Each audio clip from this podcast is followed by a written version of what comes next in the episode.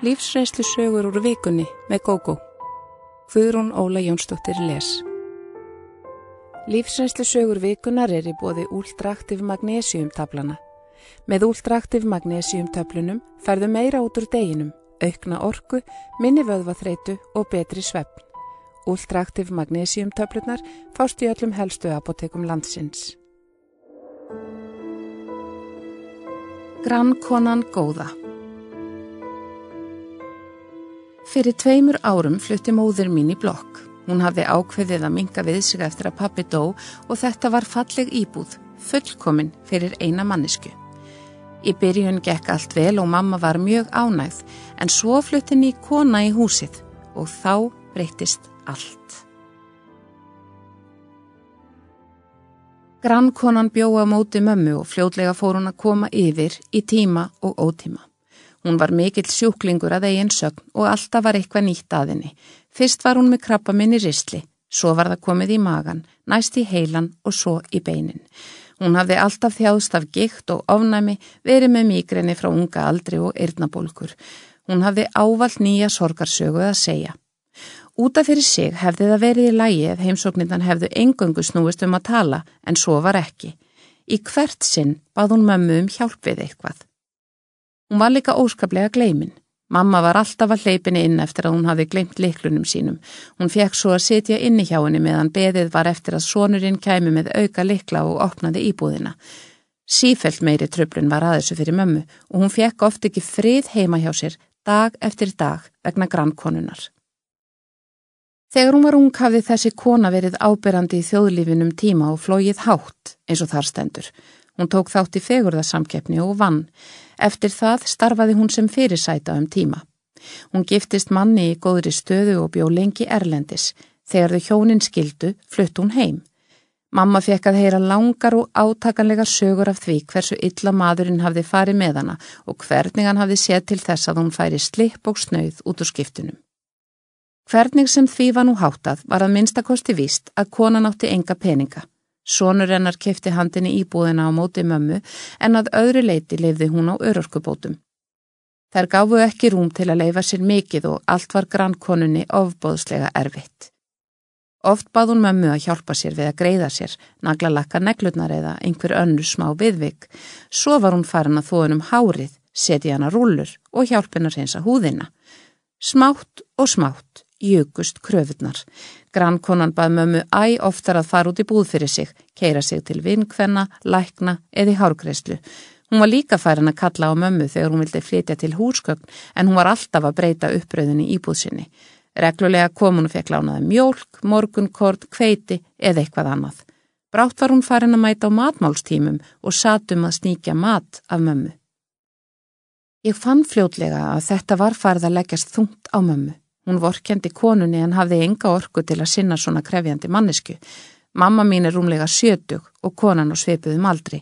Ég reyndi allt hvað ég gata að telja mömmu á að segja konunni einfallega að þetta gengi of langt en hún gugnaði æfinlega á því. Þessi stað var hún farin að fara út snemma á mótnana og laumast heim setnipartin. Oft satt hún inni hjá sér með ljósinn slögt og þorði ekki að kveikja á sjónvarpi eða hlusta á tónlist af óta við að grannkonan heyrði og kæmi yfir. Væri dyrabjöllinu ringt þorði mamma ekki fyrir sitt litla líf að svara og let sem hún væri ekki heima. Þegar ég komst að þessu vissi ég að við svo búið mætti ekki standa. Dægin eftir fór ég sjálf yfir og talaði við konuna og bendin á að móður mín var í fullorðin kona og stríti við ymsa kvilla líka. Það væri þess vegna ekki hægt að leggja á hana alls konar snúninga og vinnu í þáu annara.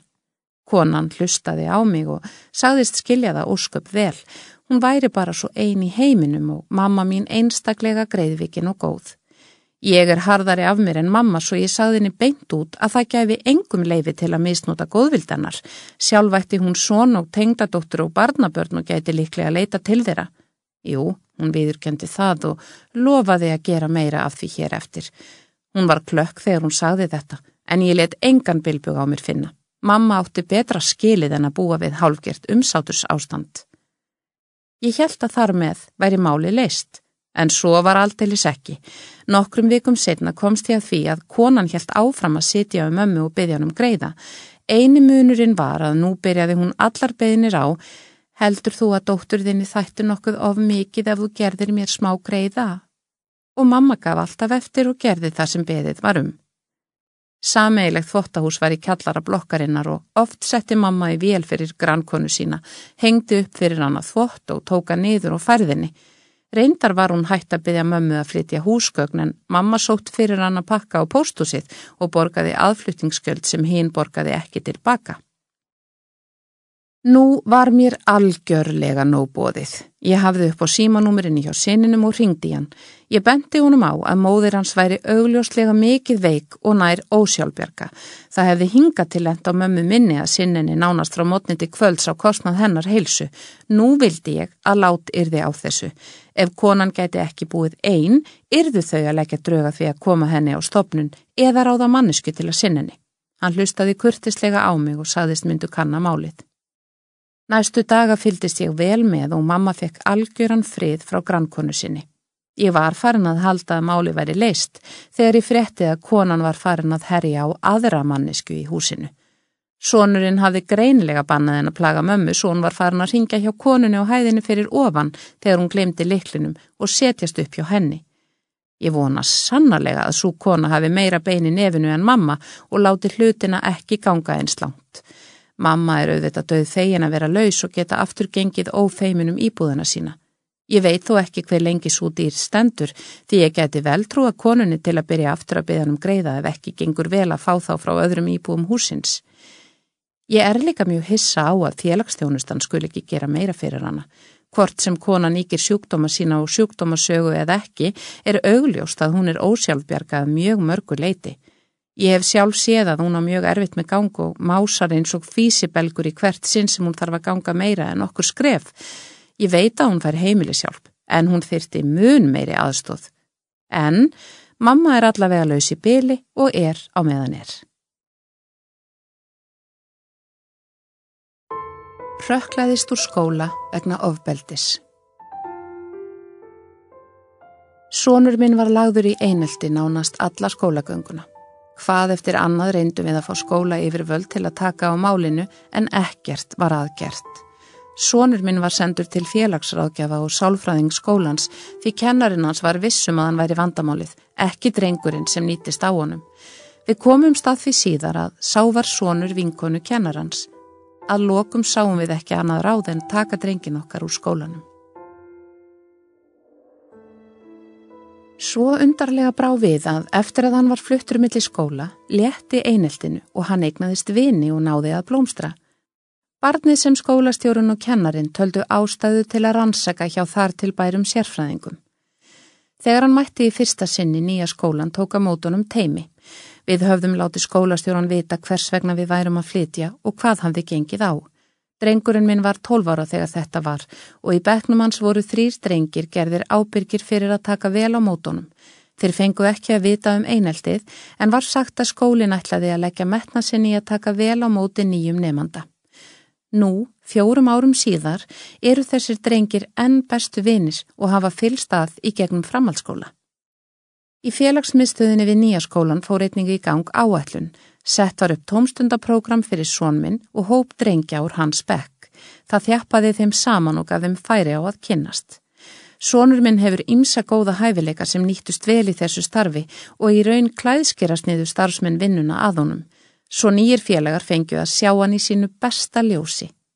Ég get ekki líst við hversu fegin og glöð við vorum og hver dásamlegt að vara sjá drengin loksná að njóta sín í skólanum.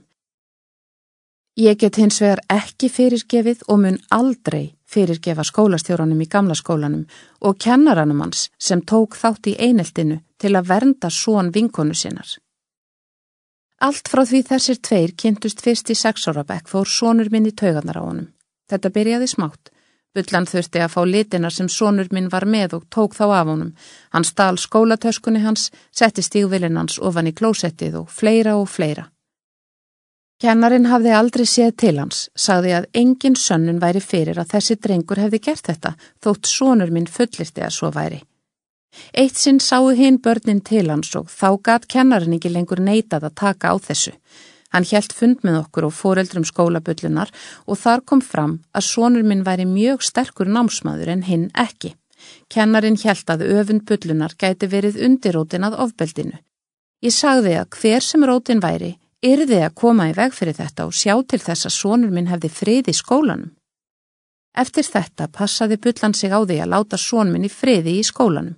Þeir voru hins vegar ekki fyrirfarnir af stað heim en hann reðst á hann.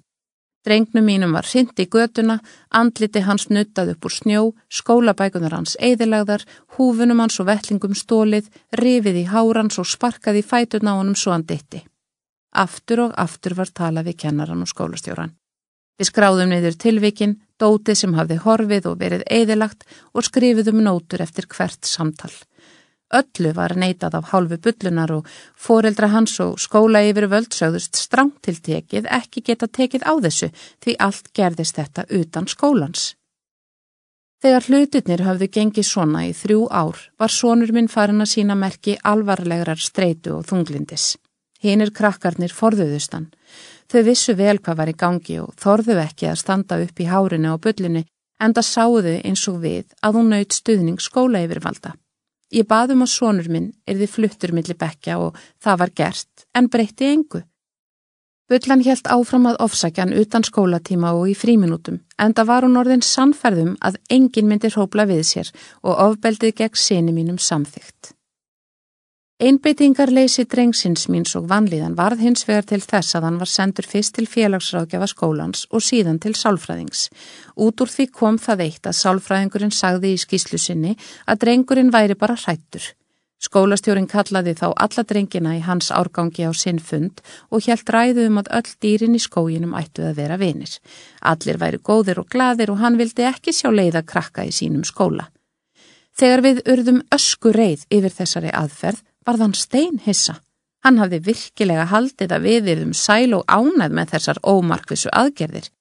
En eins og við höfðum marg bent á var hér ekki um hópa ræða heldur einn úr hópnum og þess vegna hefði átt að meðhandla málið sem slíkt. Þetta hefði svo sem átt að vera nóg en enn börðumst við foreldrarnir við að halda drengnum í skólanum. Það var stutt að fara en mun lengra í næsta skóla sem tilhyrði öðru hverfi, þó ekki það langt að það væri óviðráðanlegt. Nú vildi ég óska við hefðum tekið hann úr þessum aðstæðum fyrr. Okkur fannst hins vegar hart að sonur okkar, sem var algjörlega saklaus, yrði að flýja undan ofbeldis fullum krakka fjanda sem enginn virtist vilja taka á. Í dag líti ég ekki þannig á málinn.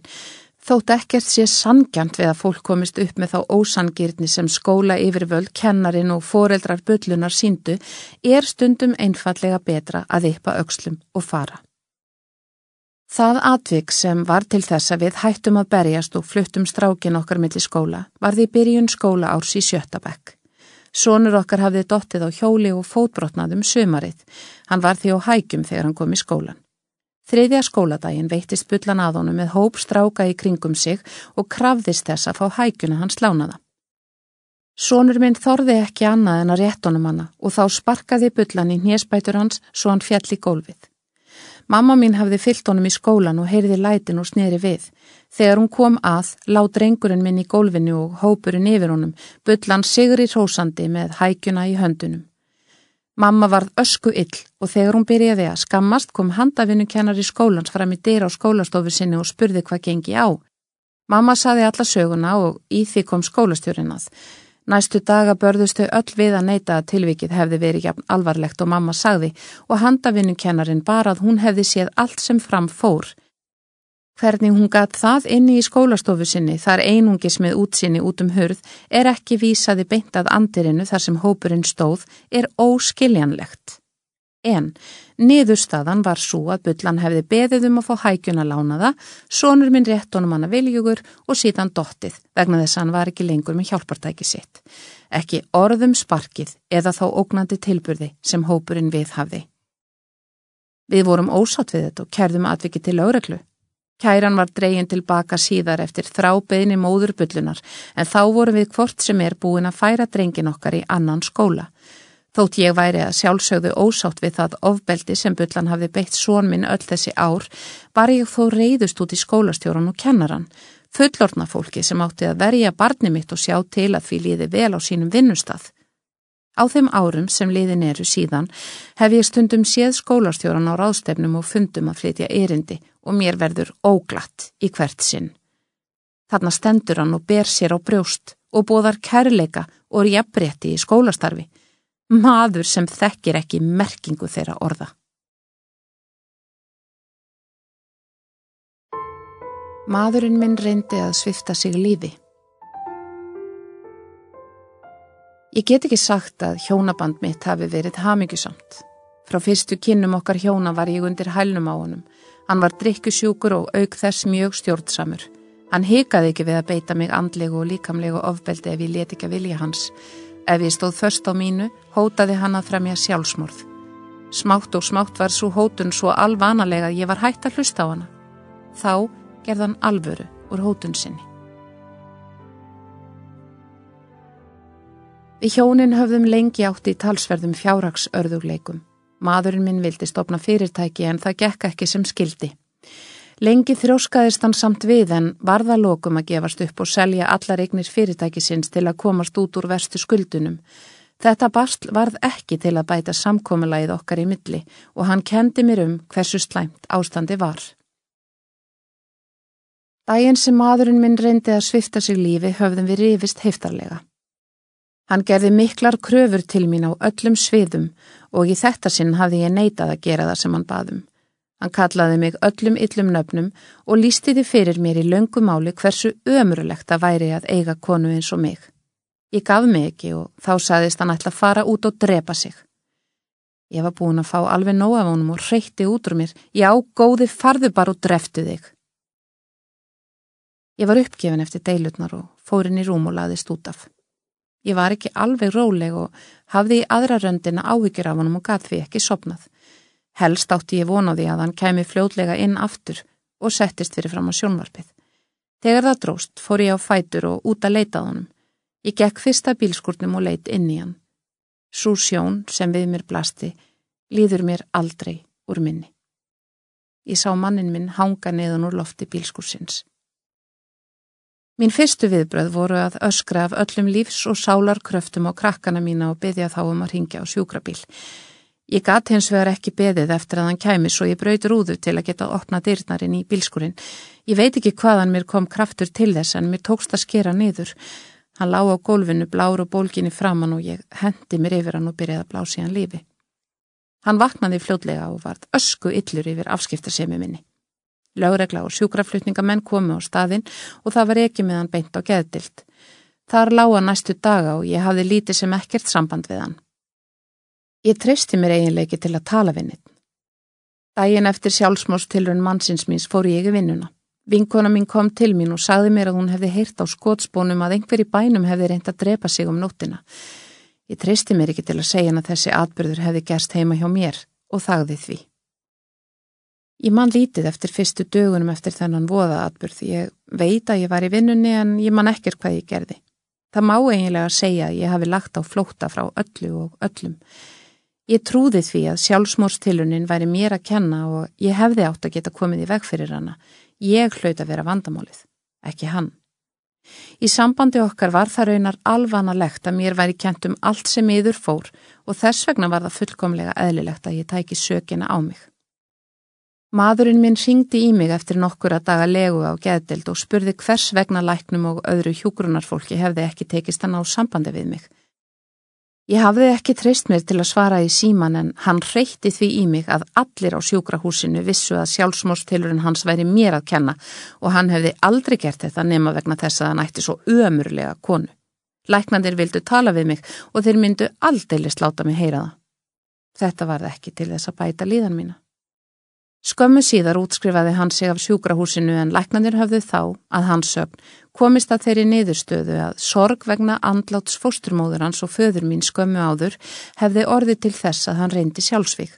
Hann og pappi minn höfðu ávalt verið mjög nánir og komið vel saman. Móður mín og sískinni reyndu að telja í mig kjark. Þau kunni ekki sérlega vel við mannin minn en vildu gera sitt besta. Á sjúkrahúsinu fekk maðurinn minn töflur sem hann átti að taka inn ef kvíði eða önnur vanliðan gripi hann. Fljótlega fór hann þó að misnota þessi lif og fór að taka þau í tíma og ótíma. Læknanir á sjúkrahúsinu höfðu bent honum á að líklega þyrst hann að fara í áfengismeðferð og þeir höfðu útvegað honum pláss á vogi. Þangað vildi hann hins vegar alls ekki fara. Hann ákvaða að hætta upp á eigin spýtur en það tald hann sé ekki þurfa á neittni annari hjálpa halda. Bindindið varð ekki til að bæta ástandið. Maðurinn minn varð enn verri í skapinu ef eitthvað var og marg oft hótaði hann að reyna sjálfsvík aftur. Í þetta sinna ætla ég að vinna verkið almennilega, sagðan. Orðans gerði mig döðhrætta. Óuriki mitt gerði það að verkum að ég þorði aldrei að skilja hann eftir einan með börnunum. Sennilega hefur streitan haft eitthvað með að gera að ég misti fóstur. Það var til þess að mér fannst ég enn missefnaðri en áður.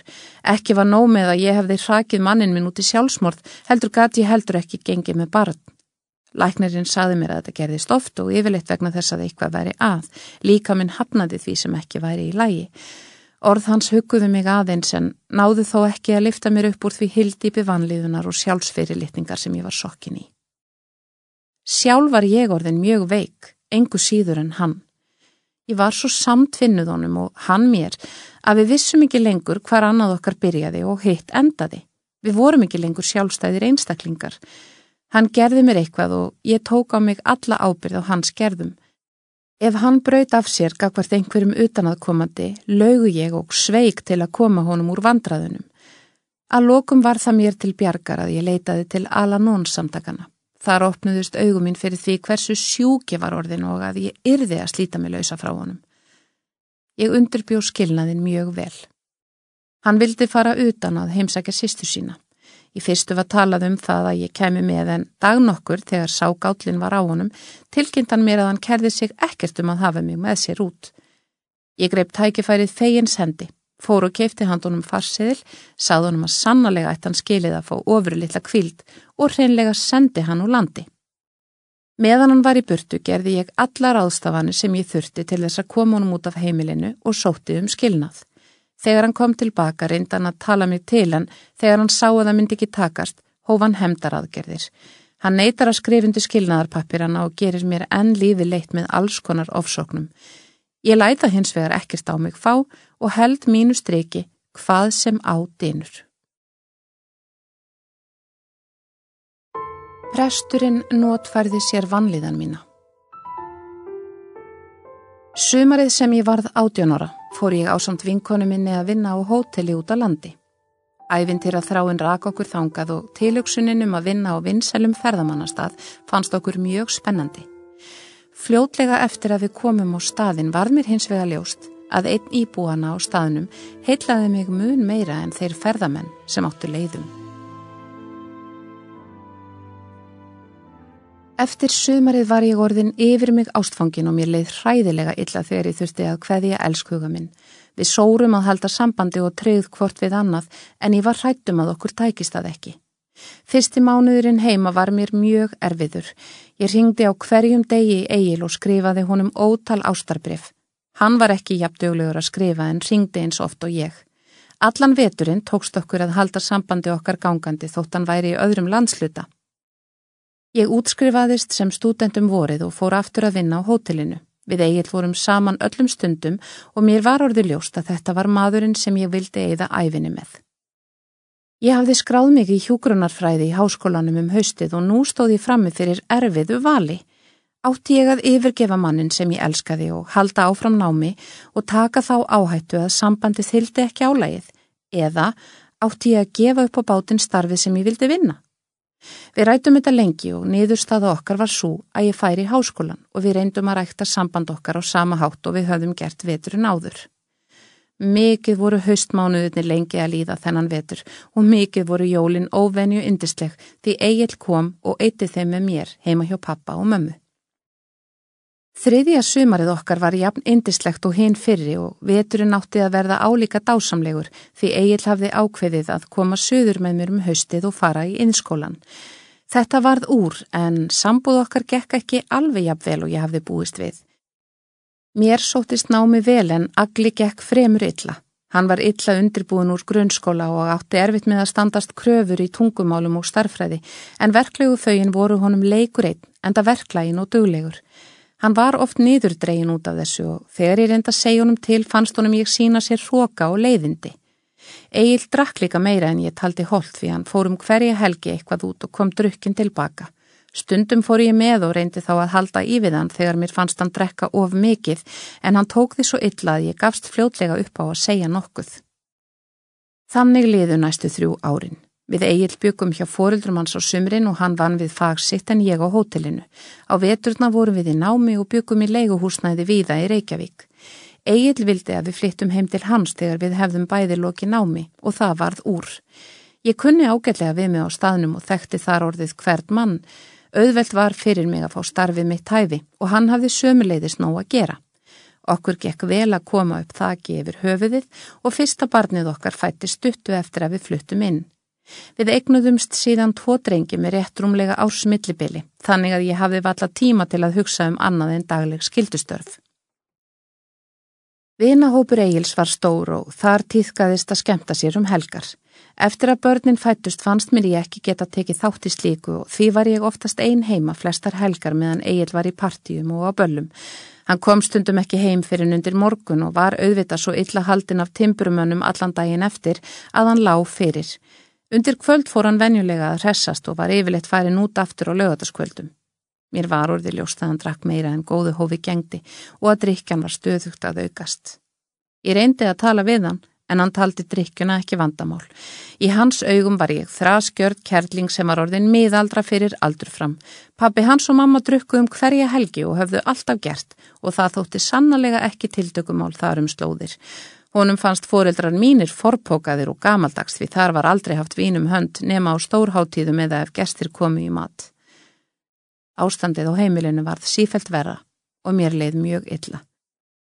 Ég íhugaði skilnað mjög mikið á þessum tíma en einstinni vissi ég að ég vildi ekki yfirgefa mannin minn því ég elskaði hann. Ég gati enga laust fundið hvernig sem ég velti málinu fyrir mér og að lokum var ég orðin svo örvendingarfull að ég leitaði til sóknarprestsins eftir ráðum og stuðningi. Hann var ákaflega hlýr og góður við mig og við töluðum lengi saman í þetta fyrsta sinn. Hann taldi best að ég kemi oftar og við reyndum í saminningu að finna laust. Ég fann að það hafði gert mér gott að tala um vandamál mín og það að segja einhverjum í hreinskilni frá hversu ömurulegt ástandi væri á heimili mínu var ákveðin léttir. Ég fór til hans aftur og aftur og ég var farin að hlakka til að hitta hann því eftir viðtölinn leið mér svo miklu betur en áður. Kvöld nokkurt átt ég viðtal við prestin en Egil var á mótið því að ég færi. Hann skammaði mig fyrir að sinna sér og heimilinu illa og ásakaði mig um framhjáhald. Mér sárnaði illa og svaraði honum því fullum hálsi. Ég myndi hann á að oft sæist hann ekki fyrir undir morgunum helgar og ég vissi ekkert um það hvað hann hefði verið þegar hann kemi. Hann reykti því þá í mig að hann hefði oft eitt nóttinu með öðrum konum og þætti það sjálfsagt því hann væri giftur konu sem væri svo fúl að enginn geti þólað hana. Ég fór í viðtali niðurbrotin og grátandi. Presturinn tók á móti mér af sinni venjulegu hlýju og tók utan um axliðan á mér. Áður en ég vissi af hafði ég kasta mér há grátandi í fangið á honum. Hann faðmaði mig og fór að láta vel að mér og í einhverju örvæntingu og vittlisu svaraði ég í sömu mynd. Þessar gælur enduði á þann hátt sem þær hafa gert hjá Karli og konu frá dögum Adams og Efu en á leiðinni heim heldist vonleysið og vanliðaninn yfir mig.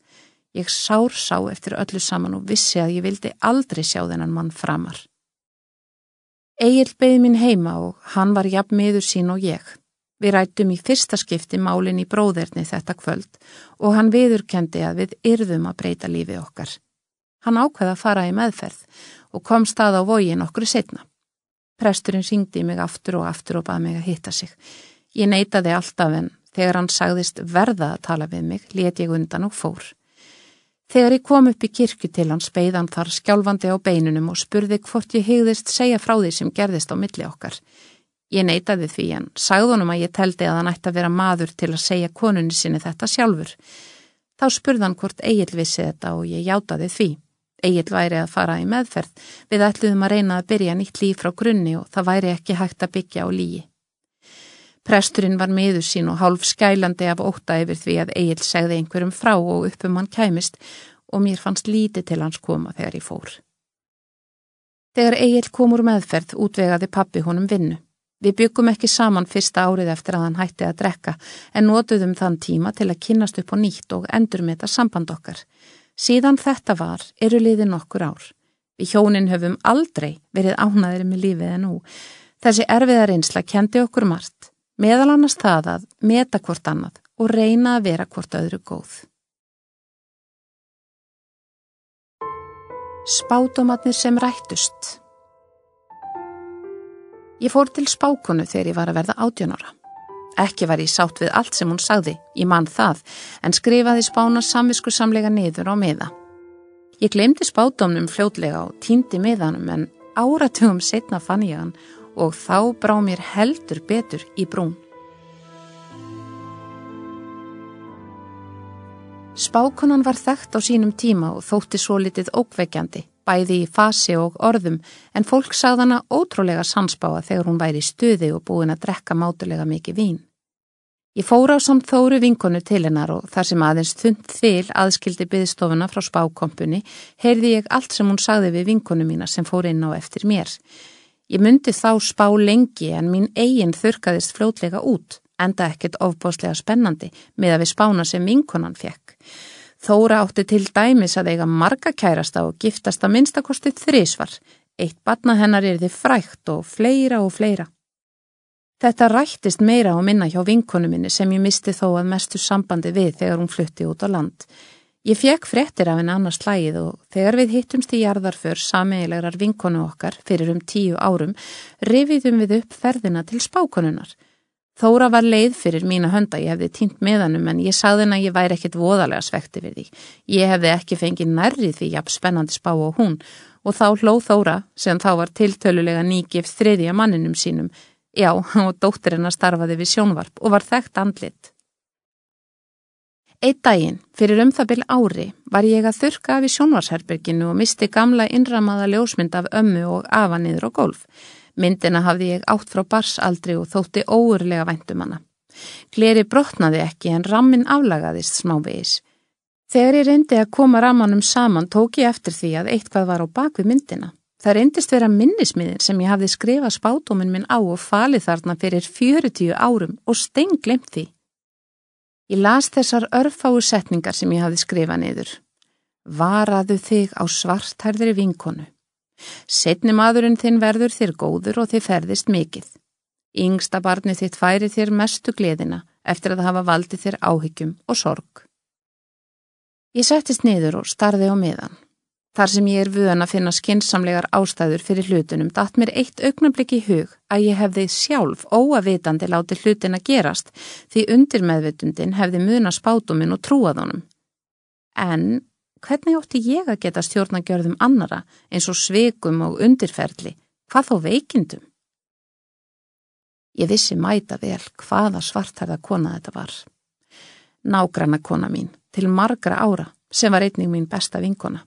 Henni treysti ég fyrir öllu, áhyggjum mínum að vaksandi áhugaleysi eiginmanns míns á mér, óta mínum vegna yngsta barsin sem var í mikilli óreglu á þessum tíma og bara öllu því sem gott er að tala um við einhvert sem aður treystir.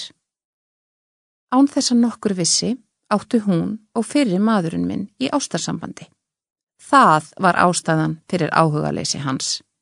Ég komst ekki að neinu fyrir maðurinn minn baðum skilna því hann væri að fara að búa með konu og það var ekki fyrir nokkrum dögum síðar að ég komst að því hvaða konu. Hún hafði ekki hugur ekki til að segja mér það sjálf frekar en maðurinn minn.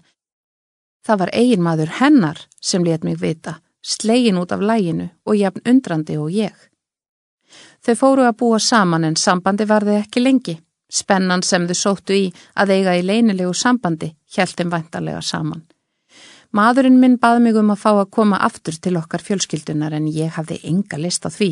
Hefði þetta verið eitt skipti eða líklegt að ég hefði fyrirgefið það en nokkur að mánað framhjóhald fekk mig til að missa allan áhuga á honum.